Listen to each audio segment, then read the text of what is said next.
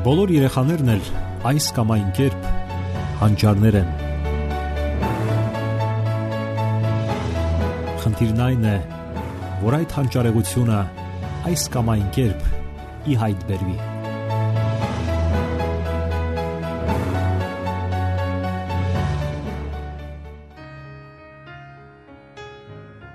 Բարև ձեզ, սիրելի ռադիո լսողներ։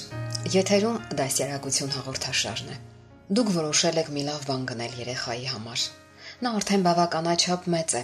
այնքան մեծ, որ մտածում եք մի խելացի սարք գնել նրա համար։ Ասենք համակարգչային տեխնիկա, պլանշետ, սմարթֆոն եւ այլն։ Հիշում եք ձեր մանկությունը, թե ինչպես էի գերազում ունենալ գոնե գունավոր հերոստացույց, ապա ձերքի հեռախոս, հետո ավելի նոր նոթանկը, ավելի մեծ հնարավորություններով։ Այդ բոլորը դուք հիշում եք եւ կանգ եք առնում խելացի սարքի կամ գիտության ու տեխնիկայի վերջին հրաշքներից մեկի համակարգչի վրա։ Սակայն դուք դեռևս չեք պատկերացնում, թե ինչպիսի դժվարությունների առաջ եք կանգնելու դրա պատճառով։ Արժե նախորոք մտածել այդ մասին եւ խորհրդակցել համապատասխան մասնագետների հետ կանխարգելիչ միջոցներ ձեռք առնել, որpիսի երեխան չընկնի կախվածության մեջ։ Մենք մեծահասակներս այսպես ենք մտածում.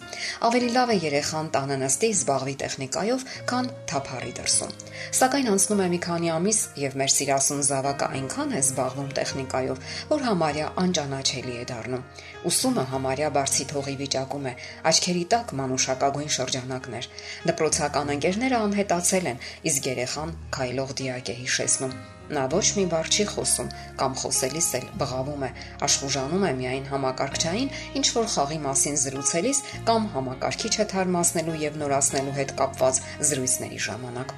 Կապույտ երազանք Ինչու ենք մենք իսկապես այնքան երազում ունենալ տեխնիկայի հրաշքները՝ հերոստացույց, վիդեոտեխնիկա, DVD, ապա համակարգիչ,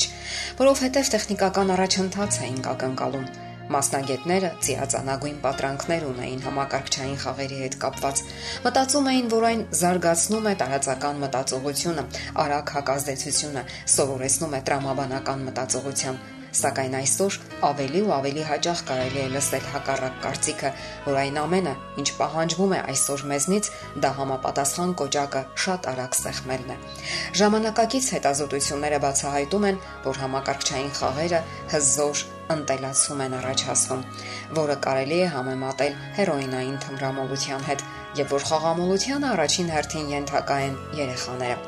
Ասենք, որ այս երկաթի անկերը իր կապանքներում է պահում երեխաներին եւ նրանք գերադասում են մնալ տանը խաղալու, բակիչնելու փոխարեն, իսկ եթե ինչ որտեղ են գնում, ապա դժկամությամբ։ Երբ փորձում են նրանց փոկել խաղերից, պատասխանում են վերացած, հաճախ էլ բարկությամբ։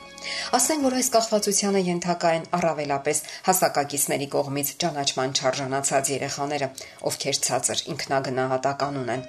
Ահա այստեղ մեծ անելիք ունեն ծնողները։ Պետք չէ ընդհատել երեխային, երբ նա ցանկանում է կիսվել ձեզ հետ, պատմել իր ապրումների, դպրոցական հաջողությունների ու հիասթափությունների մասին։ Մի արտաբերեք հերթապահ արտահայտություններ։ Կեցե շարունակիր նույն ոգով։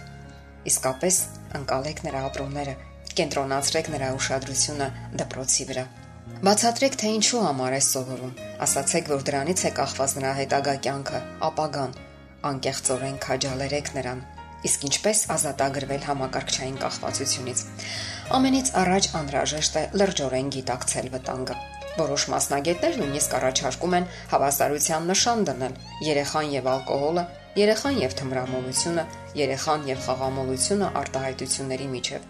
Չէ որ մանկական հոգեբանությունը ավելի խոցելի է մեծահասակների համեմատությամբ եւ կախվածության ցանկացած ձևեր ավելի հեշտությամբ են առաջանում։ Անդրաժեշտ է որ ընտանիքում գործի համակարգչից օգտվելու ներընտանեկան կանոններ։ Հարկավոր է սահմանափակել այն ժամանակը, որ երեխան անց է կասնում համակարգչի արչև ընդհանրապես։ Հոգեբանները նաև ենթադրում են, որ շատ ծնողներ միտումնավոր են երեխաներին թողնում նստել այդքան երկար ժամանակ։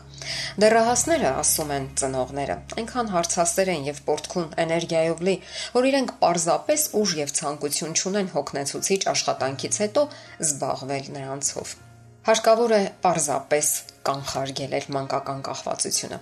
Կանխարգելումը հսկայական նշանակություն ունի երեխայի հետագա ճակատագրի համար։